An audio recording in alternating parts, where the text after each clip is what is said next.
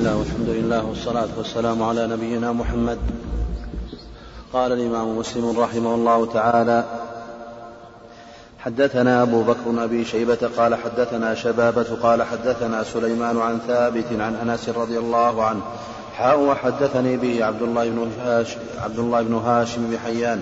واللفظ له قال حدثنا بهز قال حدثنا سليمان بن المغيرة عن ثابت قال حدثنا أنس رضي الله عنه قال صار صفية صفية لدحية في مقسمه وجعلوا يمدحونها عند رسول الله صلى الله عليه وسلم. قال ويقولون ما رأينا في السبي مثلها.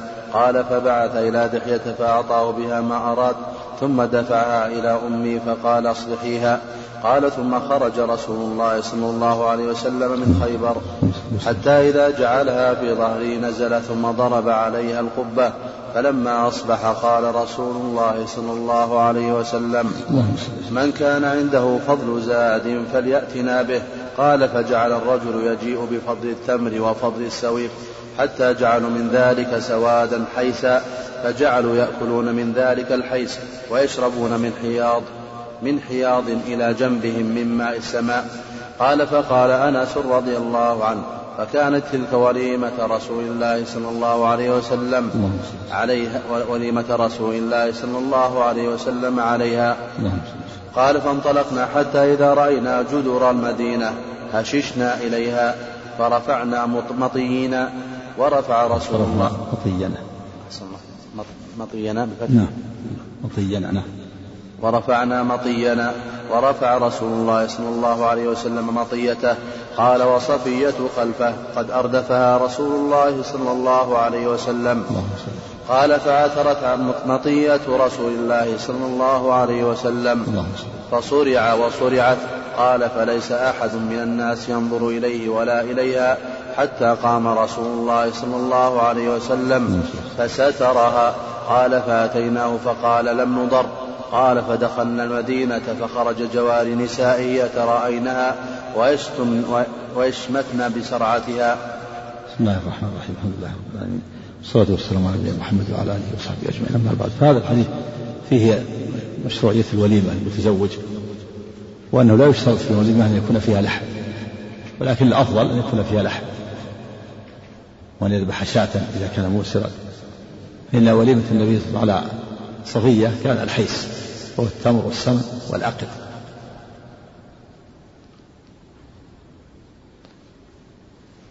وفيه دليل على أن النبي صلى الله عليه وسلم تزوج صفية وجعل عتقها صداقها اعتقها وجعل عتقها صداقها. وأنه وأنه لا بأس أن يعتق الإنسان الجارية ويجعل عتقها صداقها خلافا لما رآه بعضهم من أن النبي صلى الله عليه وسلم تزوجها بدون مهر وأنها من خصائصه. لأن أنس صرح بأن النبي صلى الله عليه وسلم تزوجها وجعل عتقها صداقها. وفيه دليل على أن النبي صلى الله عليه وسلم صرع وصرعت المرأة سقط عن راحلته في دليل على النبي صلى الله عليه وسلم يصيب ما يصيب الناس من الأمراض والسقوط والموت. ليس ربا ليس ربا ولا إلها. ولكنه نبي كريم عليه الصلاة والسلام. يطاع ويتبع ويجوز عليه ما يجوز على الناس. وفي دليل على فضل الصحابة. قال فليس أحد ينظر إليه ولا, ولا إليها في اللفظ الآخر من أبا أيوب. جاء إليها من خلف. جعل يرجع القهقراء اللفظ الآخر الذي قال قال بأبي أنت وأمي هل فيه قال لا لكن عليك بالمرأة يعني استرها وفي هذا الحديث قال لم نضر يعني لم يصبنا ضرر في ورع الصحابة رضوان الله عليهم وشدة ورعهم وإكرامهم للنبي صلى الله عليه وسلم رضي الله عنهم وأرضاهم.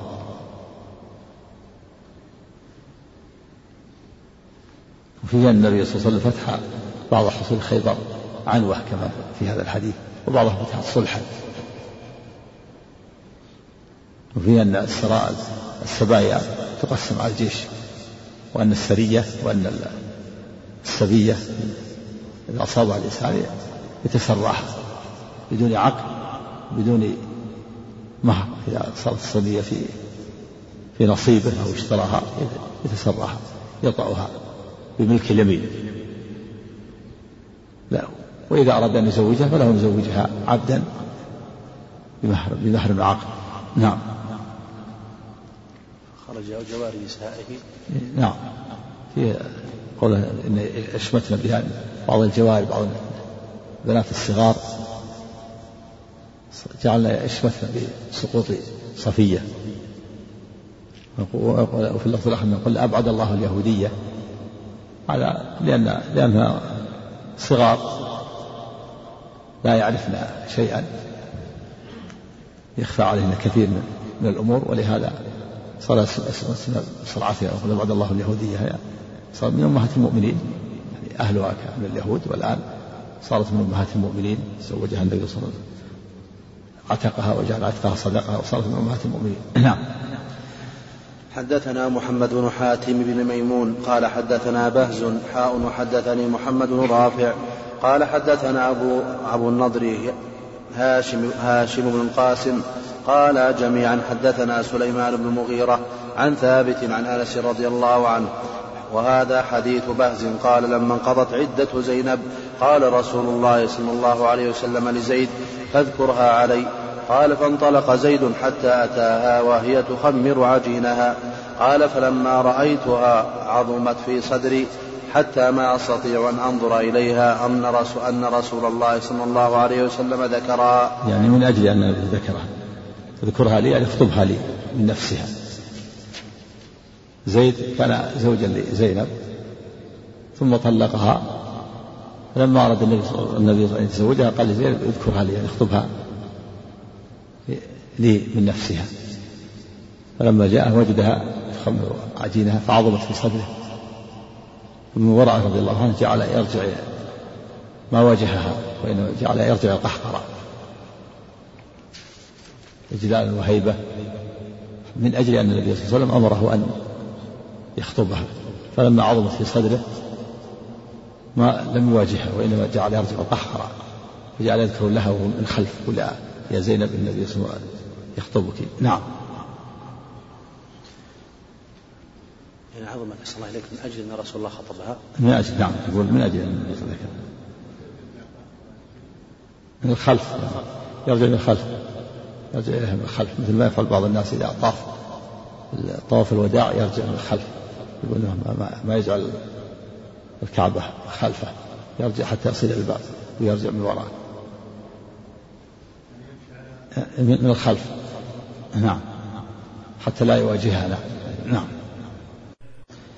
فوليتها ظهري ونكصت على عقبي فقلت يا زينب أرسل رسول الله صلى الله عليه وسلم يذكرك. فقالت ما أنا بصانعة شيئا حتى أوامر ربي. فقامت إلى مسجدها. يعني يعني حتى تستخير أن تستخير ربها. قامت إلى مسجدها تستخير. من مشروعية الاستخارة عند حصول الأمر. ومعلوم أن هذا خير. زوجنا بالله خير. لكن خشية ألا تقوم بحق النبي صلى الله عليه وسلم. فأراد أن تستخير. هل توافق أو لا توافق. خشية أن لا تقوم بحق النبي صلى الله عليه وسلم. فيلحقها الإثم وإلا هذا خير لا شك فيه. لكن الاستخارة ليست من أجل الزواج من أجل خشية عدم القيام بحق النبي صلى الله عليه وسلم. ولهذا قالت ما أنا صالحة شيء حتى أؤمن ربي يعني حتى أستخير ربي. في مشروعية الاستخارة فقامت إلى مسجدها يعني مصلاها تصلي صلاة الاستخارة. نعم. قالت ما أنا بصانعة شيئا حتى أوامر ربي. فقامت إلى مسجدها ونزل القرآن وجاء رسول الله صلى الله عليه وسلم فدخل عليها بغير إذن. يعني القرآن يعني تعالى فلما قضى زيد منها وطرا زوجناكها هذا القرآن. دخل عليها الرسول بدون إذن. لأن الله زوجه إياه. بدون مهر. وبدون ولي. لأن الله زوجه إياها. من فوق سبع سماوات. فلهذا كانت تفخر على أزواج النبي صلى الله عليه وسلم. زينب وزوجكن أهلكن وزوجني له من فوق سبع سماوات. في الحديث الآخر أن زينب كانت تفخر على أزواج النبي صلى الله عليه وسلم وتقول زوجكن أهلكن وزوجني له من فوق سبع سماوات. لما أنزل الله فلما قضى زيد منها وطرا زوجناكها دخل عليها بدون إذن بدون ولي بدون عقد. الله زوجها إياه من فوق سبع سماوات.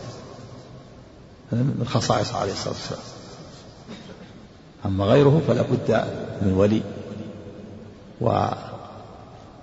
وشاهدين ومهر ولا بد من رضاها.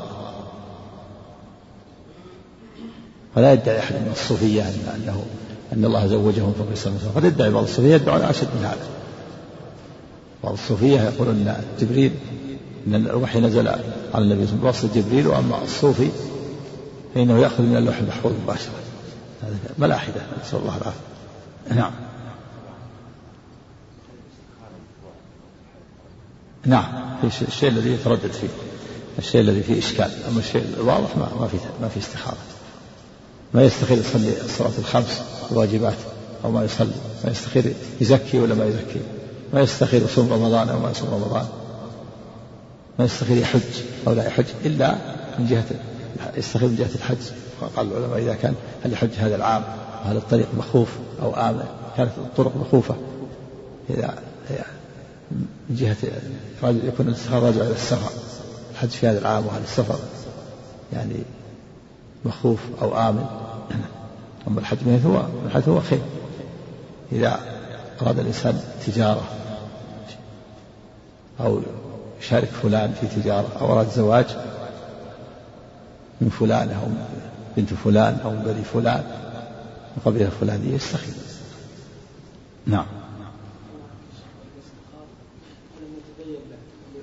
يكرر الاستخارة ويستشير معه حتى ينشرح صدره. لأحد الأمرين نعم. ولقد رأي فقال ولقد رأيت هنا أن رسول الله صلى الله عليه وسلم أطعمنا الخبز واللحم حين امتد النهار فخرج الناس وبقي رجال يدعون. هذا وليمة على زينب. طعم الخبز واللحم.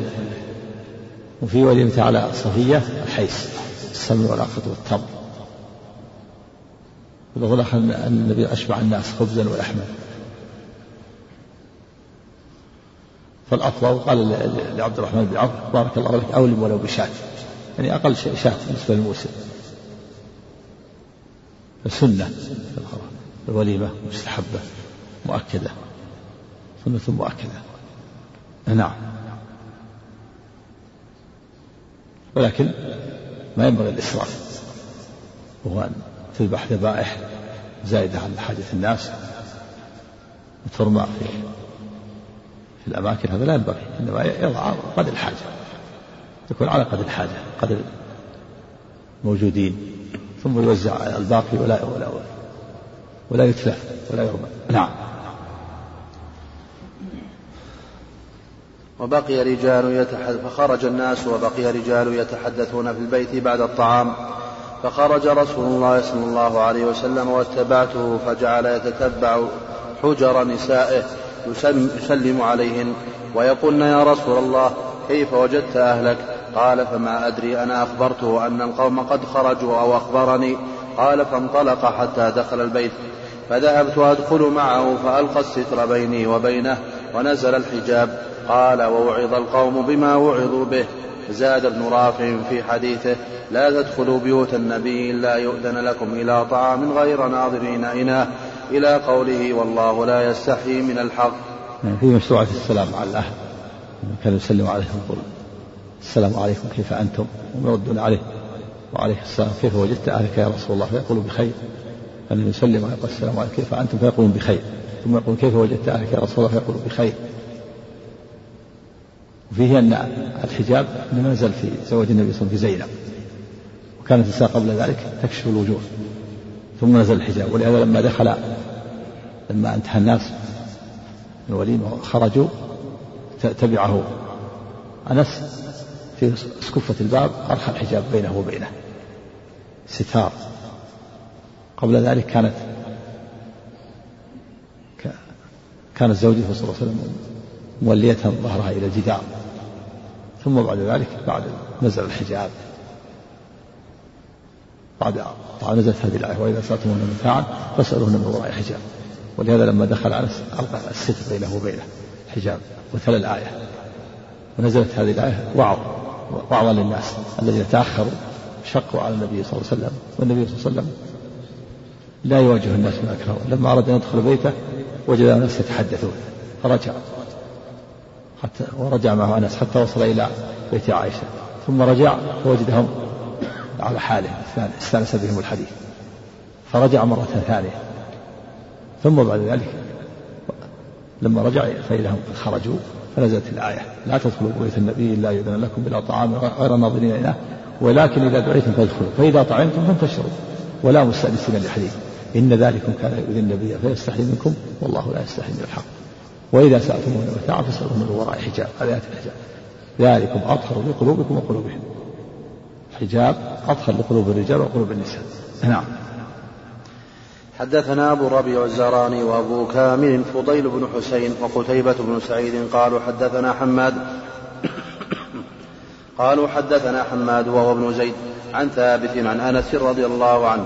وفي رواية أبي كامل سمعت أنس رضي الله عنه قال ما رأيت رسول الله صلى الله عليه وسلم أولم على امرأة وقال أبو كامل على شيء من نسائه ما أولم على زينب فإنه ذبح شاة حدثنا محمد بن عمرو بن عباد بن جبلة بن أبي رواد ومحمد بن بشار قال حدثنا محمد وهو ابن جعفر قال حدثنا شعبة عن عبد العزيز بن صهيب قال سمعت أنس بن مالك رضي الله عنه يقول ما أولم رسول الله صلى الله عليه وسلم على امرأة من نسائه أكثر أو أفضل مما أولم على زينب فقال ثابت البناني بما أولم قال أطعمهم خبزا ولحما حتى تركوه وحدثنا يحيى بن وحدثنا يحيى بن حبيب الحارثي وعاصم بن النضر التيمي ومحمد بن عبد الأعلى كلهم عن معتمر واللفظ بن حبيب. حدثنا معتمر بن سليمان قال سمعت أبي قال حدثنا أبو مجلز عن أنس بن مالك رضي الله عنه قال لما تزوج النبي صلى الله عليه وسلم زينب بنت جحش دعا القوم فطعموا ثم جلسوا يتحدثون. قال فأخذ كأنه يتهيأ للقيام. فلم يقوموا فلما رأى ذلك قام فلما قام قام من قام من القوم. زاد عاصم وعاصم وابن عبد الأعلى في حديثهما قال فقعد ثلاثة وإن النبي صلى الله عليه وسلم جاء ليدخل فإذا القوم جلوس ثم إنهم قاموا فانطلقوا قال فجئت فأخبرت النبي صلى الله عليه وسلم. فأخبرت النبي صلى الله عليه وسلم أنهم قد انطلقوا قال فجاء حتى دخل فذهبت أدخل فألقى الحجاب بيني وبينه. قال وأنزل الله عز وجل يا أيها الذين آمنوا لا تدخلوا بيوت النبي إلا أن يؤذن لكم إلا أن يؤذن لكم إلى طعام غير ناظرين إناه. إلى قوله إن ذلكم كان عند الله عظيما. وحدثني عمرو الناقد قال حدثنا يعقوب بن إبراهيم بن سعد قال حدثنا أبي عن صالح قال ابن شهاب إن أنس بن مالك رضي الله عنه قال أنا أعلم الناس بالحجاب لقد كان أبي بن كعب يسألني عنه. قال أنس فأصبح رسول الله صلى الله عليه وسلم عروسا بزينب عروسا بزينب بنت جحش. قال وكان تزوجها بالمدينة فدعا الناس للطعام بعد ارتفاع النهار. فجلس رسول الله صلى الله عليه وسلم وجلس معه رجال بعدما قام القوم. حتى قام رسول الله صلى الله عليه وسلم فمشى فمشيت معه حتى بلغ حتى بلغ باب حجرة عائشة. ثم ظن أنهم قد خرجوا فرجع ورجعت معه. فإذا هم جلوس مكانهم فرجع فرجعت الثانية حتى بلغ حجرة عائشة. فرجع فرجعت فإذا هم فإذا, فإذا هم قد قاموا فضرب بيني وبينه بالستر وأنزل الله آية الحجاب. وحدثنا قتي حدثنا قتيبة بن سعيد قال حدثنا جعفر يعني ابن سليمان عن الجعد عن الجعد أبي عثمان عن أنس بن مالك رضي الله عنه قال تزوج رسول الله صلى الله عليه وسلم فدخل بأهله قال فصنعت أمي أم سليم حيسا فجعلته في تور فقالت فقالت يا أنس هذا في السنة السابعة من الهجرة. الدليل على الحجاب نزل السنة السابعة من الهجرة. وكان قبل ذلك النساء تكشف الوجوه. فلما أنزل الله الحجاب صارت النساء تستر الوجوه. والتور إناء من من من الحجارة. نعم.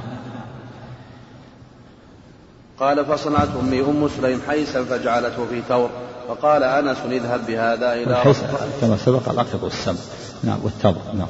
فقالت يا أنس اذهب بهذا إلى رسول الله صلى الله عليه وسلم فقل بعثت بهذا إليك أمي. وهذا يدل على أن وليمة زينب متنوعة في خبز ولحم وفي حيث.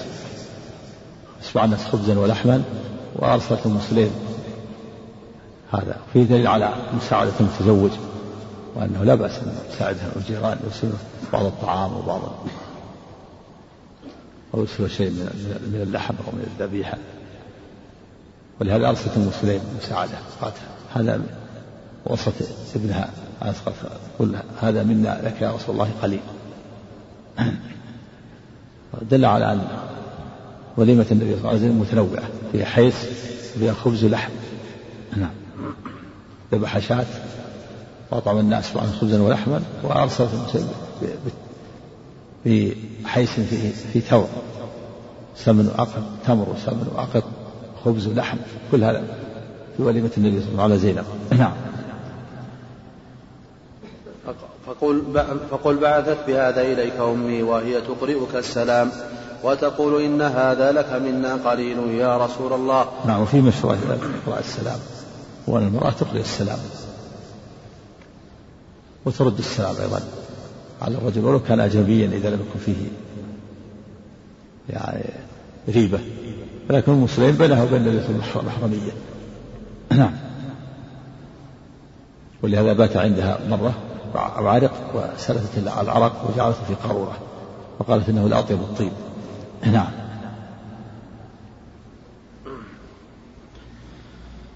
فقلت إن أمي قال فذهبت بها إلى رسول الله صلى الله عليه وسلم فقلت إن أمي تقرئك السلام. وتقول إن هذا لك منا؟ قليل يا رسول الله. قال ضعه. ثم قال اذهب فادع لي فلانا وفلانا وفلانا. هذا من الاعتذار الإنسان الكرم والجود. أرسلت بهذا واعتذرت. نعم. مشروعية الاعتذار من الضيف ومن الصديق. نعم. نعم.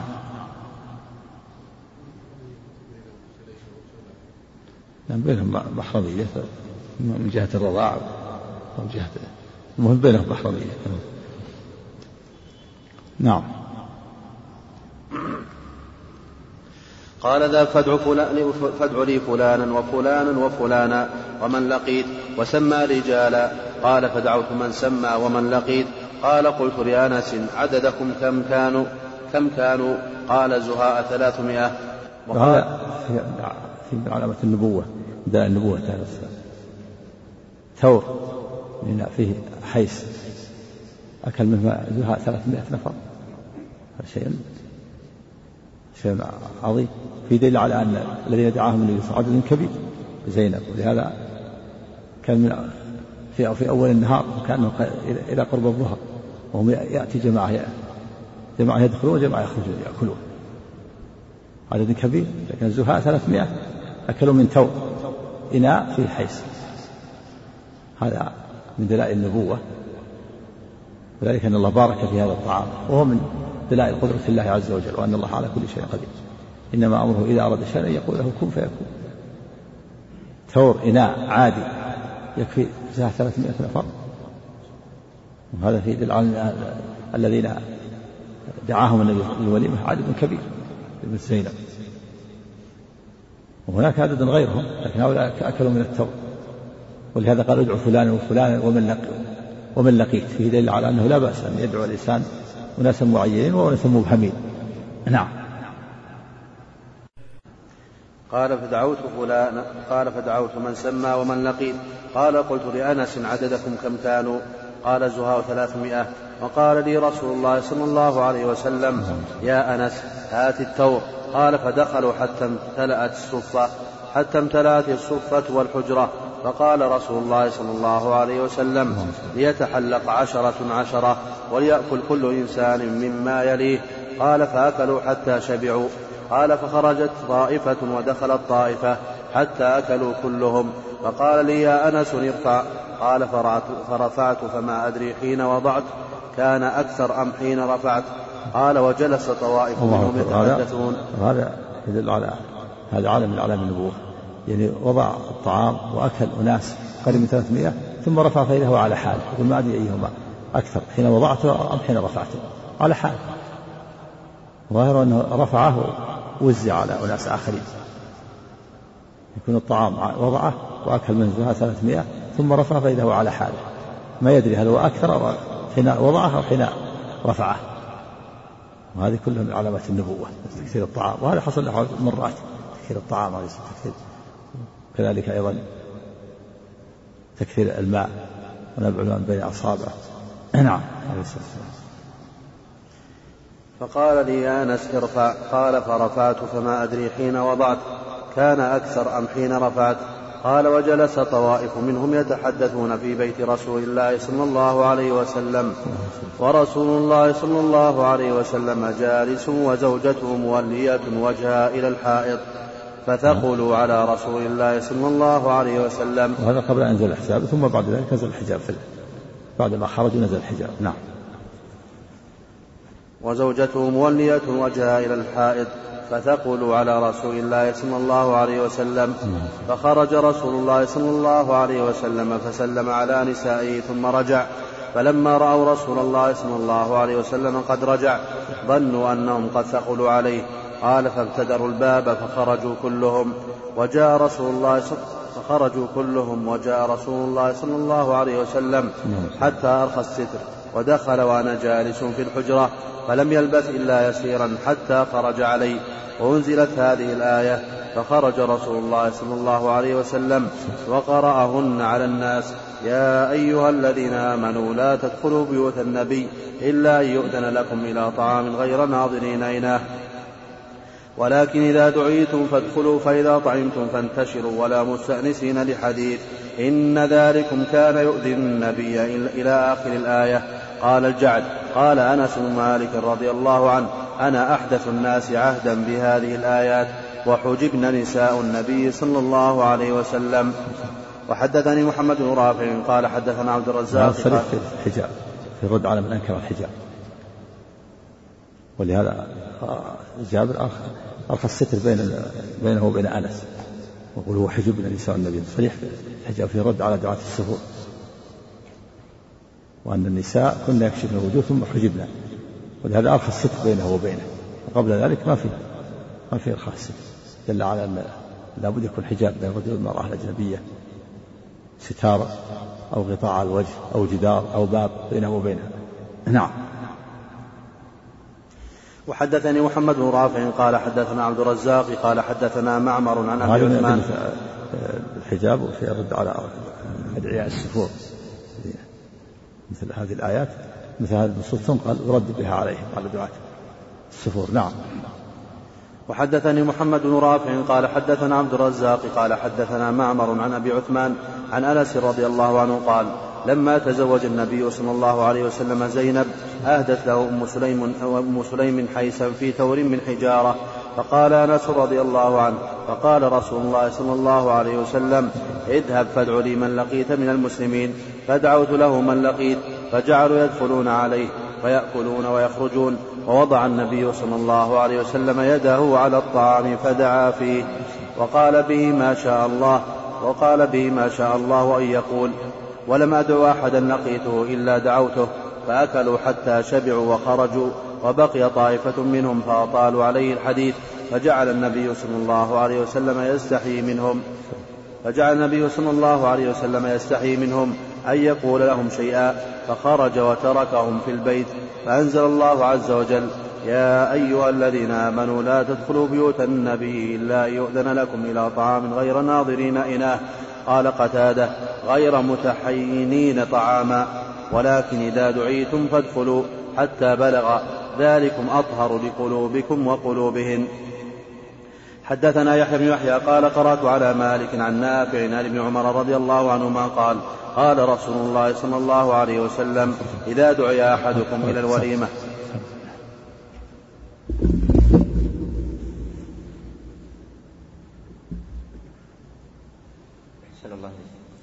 حدثنا يحيى بن يحيى قال قرأت على مالك عن نافع عن ابن عمر رضي الله عنهما قال قال رسول الله صلى الله عليه وسلم إذا دعي أحدكم إلى الوليمة فليأتها.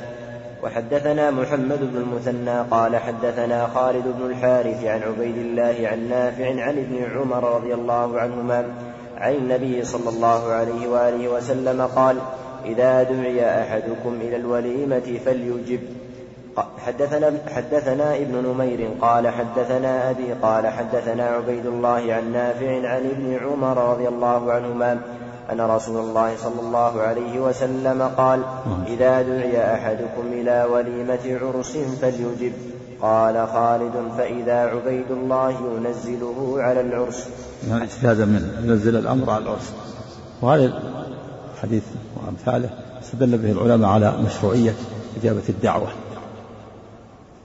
وذهب الظاهرية وجماعة من السلف جماعة من السلف وأهل الظاهر إلى أن الأمر الوجوب وأنه يجب إجابة الدعوة سواء كانت الدعوة للعرس أو لغيره. ولهذا كان ابن عمر يجيب إلى الدعوة عرسا كانت أو غيره. وذهب الجمهور إلى أن إلى أن وجوب الدعوة خاص بوليمة العرس. وما عدا وليمة العرس فإنه مستحب. الجمهور يحملون الوجوب على على وليمة العرس. ولكن ظاهر الأدلة الوجوب. ولهذا قال إذا ذهب إلى وليمة فليأتي عرسا كان أو غيره. وأما الأمور كان ينزلها على على العرس اجتهادا منه.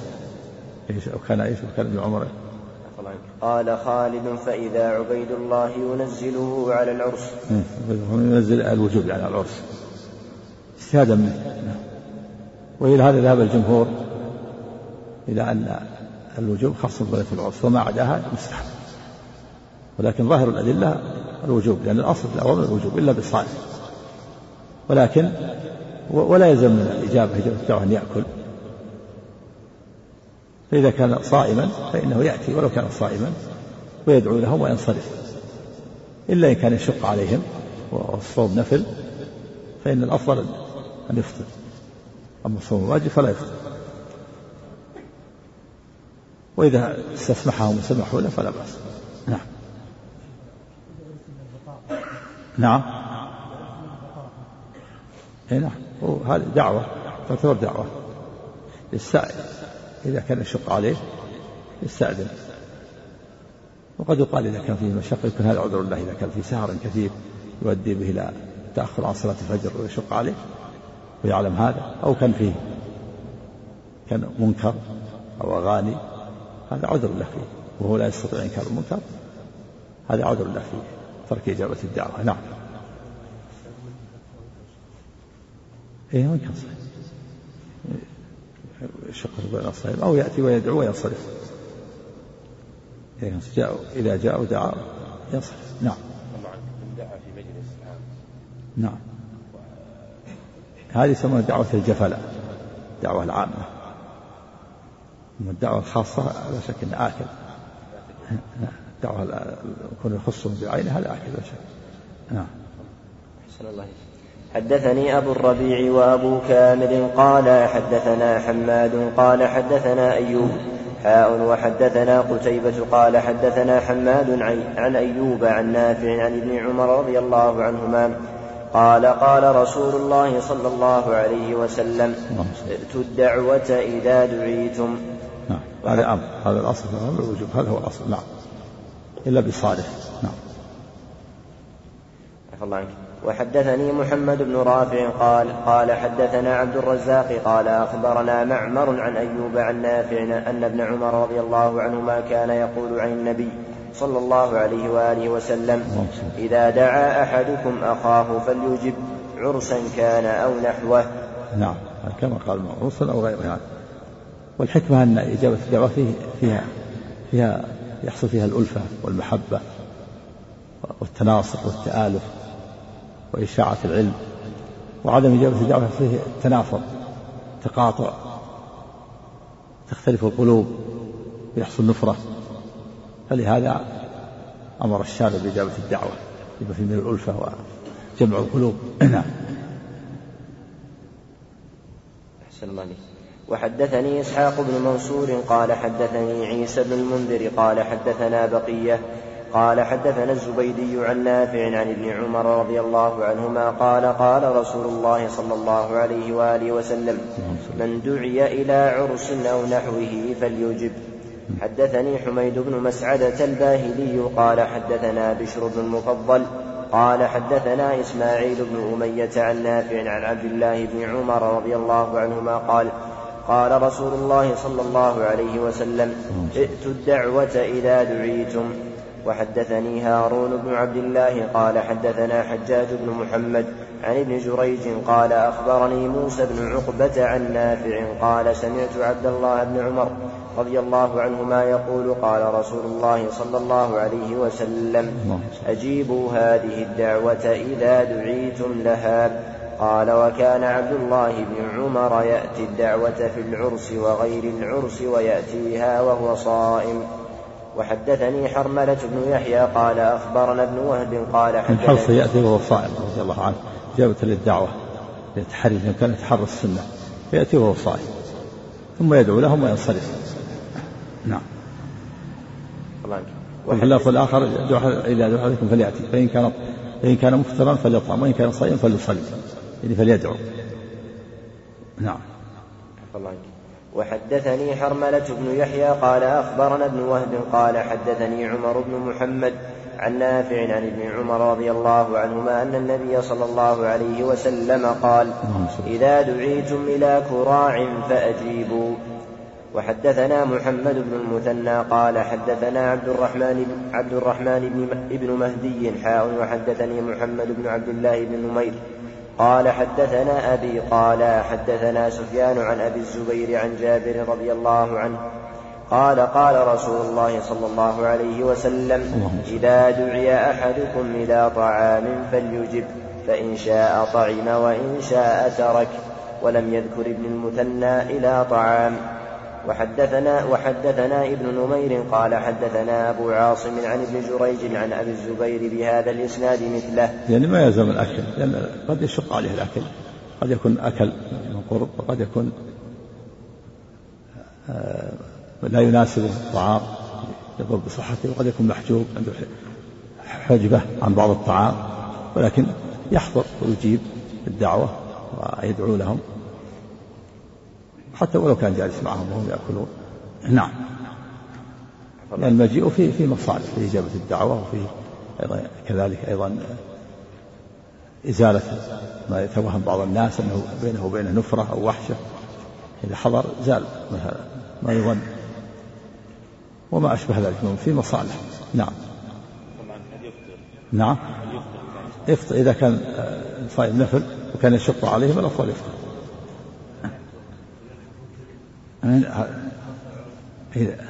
إذا إذا قيل بالوجوب نعم. على القول بالوجوب نعم يلحقه الإثم نعم. ها؟ من اثنين يكون جواب للأول. الأول السابق ويخبر الثاني. نعم. إذا استصلح من الأول وقال له أنه يشق عليه من قريب طيب استسلم نعم. أحسن الله عليك حدثنا أبو بكر بن أبي شيبة قال حدثنا حفص بن غياث عن هشام عن ابن سيرين عن أبي هريرة رضي الله عنه قال قال رسول الله صلى الله عليه وسلم إذا دعي أحدكم فليجب فإن كان صائما فليصلي وإن كان مفطرا فليطعم. يصلي يعني يدعو. قال تعالى وصلي عليهم من صلاتك سكر لهم مراد الصلاة الدعاء. يعني إذا كان صائما يدعو لهم وإن كان مفطرا يتناول الطعام إذا إذا لم يكن عليه مشقة أو ضرر. نعم. أحسن الله حدثنا يحيى بن يحيى قال قرأت على مالك عن ابن شهاب عن الأعرج عن أبي هريرة رضي الله عنه أنه كان يقول بئس الطعام طعام الوليمة يدعى إليه الأغنياء ويترك المساكين فمن لم يأت الدعوة فقد عصى الله ورسوله. نعم هذا هذا يدل على وجوب إجابة الدعوة. لهذا قال فقد عصى الله ورسوله وأنه يأثم. يقول بئس الطعام طعام الوليمة يعني الموصوف بهذا الوصف الذي يدعى إليه الأغنياء ويترك الفقراء. ليس المراد الذم لكل وليمة بل المراد الذمة الموصوف بهذا الوصف؟ ليس الطعام طعام الوليمة يدعى إليها الأغنياء ويترك الفقراء أو يدعى إليها من لا يأتيها يدعى إليها من لا يأتيها ويترك من يأتيها. يعني بئس الطعام الذي هذا وصفه وهذا أبو هريرة لم يرفعه النبي صلى الله عليه وسلم.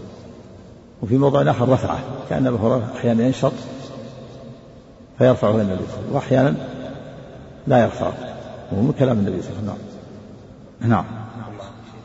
في حال ان الانسان لا يستطيع ان ياتي يعتذر نعم يعتذر نعم يعتذر يخبرهم بحاله. نعم. وحدثنا ابن أبي عمر قال حدثنا سفيان قال قلت للزهري يا أبا بكر كيف هذا الحديث؟ شر الطعام طعام الأغنياء. فضحك فقال ليس هو شر الطعام طعام الأغنياء. قال سفيان وكان أبي غنيا فأفزعني هذا الحديث حين سمعت به. فسألت عنه الزهري فقال حدثني عبد الرحمن الأعرج أنه سمع أبا هريرة رضي الله عنه يقول شر الطعام طعام الوليمة ثم ذكر بمثل حديث مالك. يعني ليس طعام الأغنياء هو الشر لكن الشر الذي هذا وصفه يدعى إليه الأغنياء وترك الفقراء. وليس طعام الأغنياء شرا إذا كان طعام الغني يتحرى يدعو الفقراء ويتحرى الخير ما يكون شر. لكن إذا كان يدعى إليها الكبراء وأهل الترف ويترك الأغنياء صح صح هذا هذا بهذا الوصف يكون شر الطعام. نعم. أحسن الله عليك وحدثني محمد بن رافع محمد بن رافع وعبد بن حميد عن عبد الرزاق قال أخبرنا معمر عن الزهري عن سعيد بن المسيب وعن الأعرج عن أبي هريرة رضي الله عنه قال شر الطعام طعام الوليمة نحو حديث مالك. وحدثنا ابن أبي عمر قال حدثنا سفيان عن أبي الزناد عن الأعرج عن أبي هريرة عن أبي هريرة رضي الله عنه نحو ذلك. وحدثنا ابن أبي عمر قال حدثنا سفيان قال سمعت زياد بن سعد قال سمعت ثابتا الأعرج يحدث عن أبي هريرة رضي الله عنه النبي صلى الله عليه وسلم قال شر الطعام طعام الوليمة يمنعها من يأتيها ويدعى إليه من يأباها. يعني بهذا الوصف صارت شر يدعى إليه من من من يأباها ويترك من من يأتيها. وهذا فيه أن أبا هريرة رفع إلى النبي في الأول لم يرفعه. كأن أبا هريرة مرة ينشط فيرفعه إلى النبي ومرة لا ينشط فلا يرفعه هو ثابت عن النبي. نعم. ومن لم يجب الدعوة فقد عصى الله ورسوله. نعم وهذا يدل على الوجوب وأنه يأثم إذا لم يجب. نعم. الله حدثنا أبو بكر بن أبي شيبة وعمر الناقد واللفظ لعمرو قال حدثنا سفيان عن الزهري عن عروة عن عائشة رضي الله عنها قالت جاءت امرأة رفاء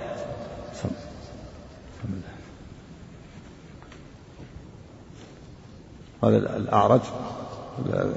ثابت الأعرج. ثابت إيش؟ ثابت بن عياض ثابت بن عياض. غير الأعرج غير الأعرج الملازم لأبي هريرة وهو عبد الرحمن بن هرمز. هذا ثابت بن عياض الأعرج. غير آه، الأعرج الملازم لأبي هريرة وهو عبد الرحمن بن هرمز.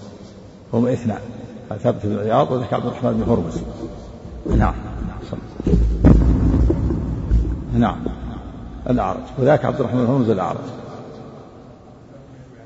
اي نعم. لكن عبد الرحمن بن هرمز هو الملازم لأبي هريرة. نعم. وإذا أطلق ينصرف إليه. نعم.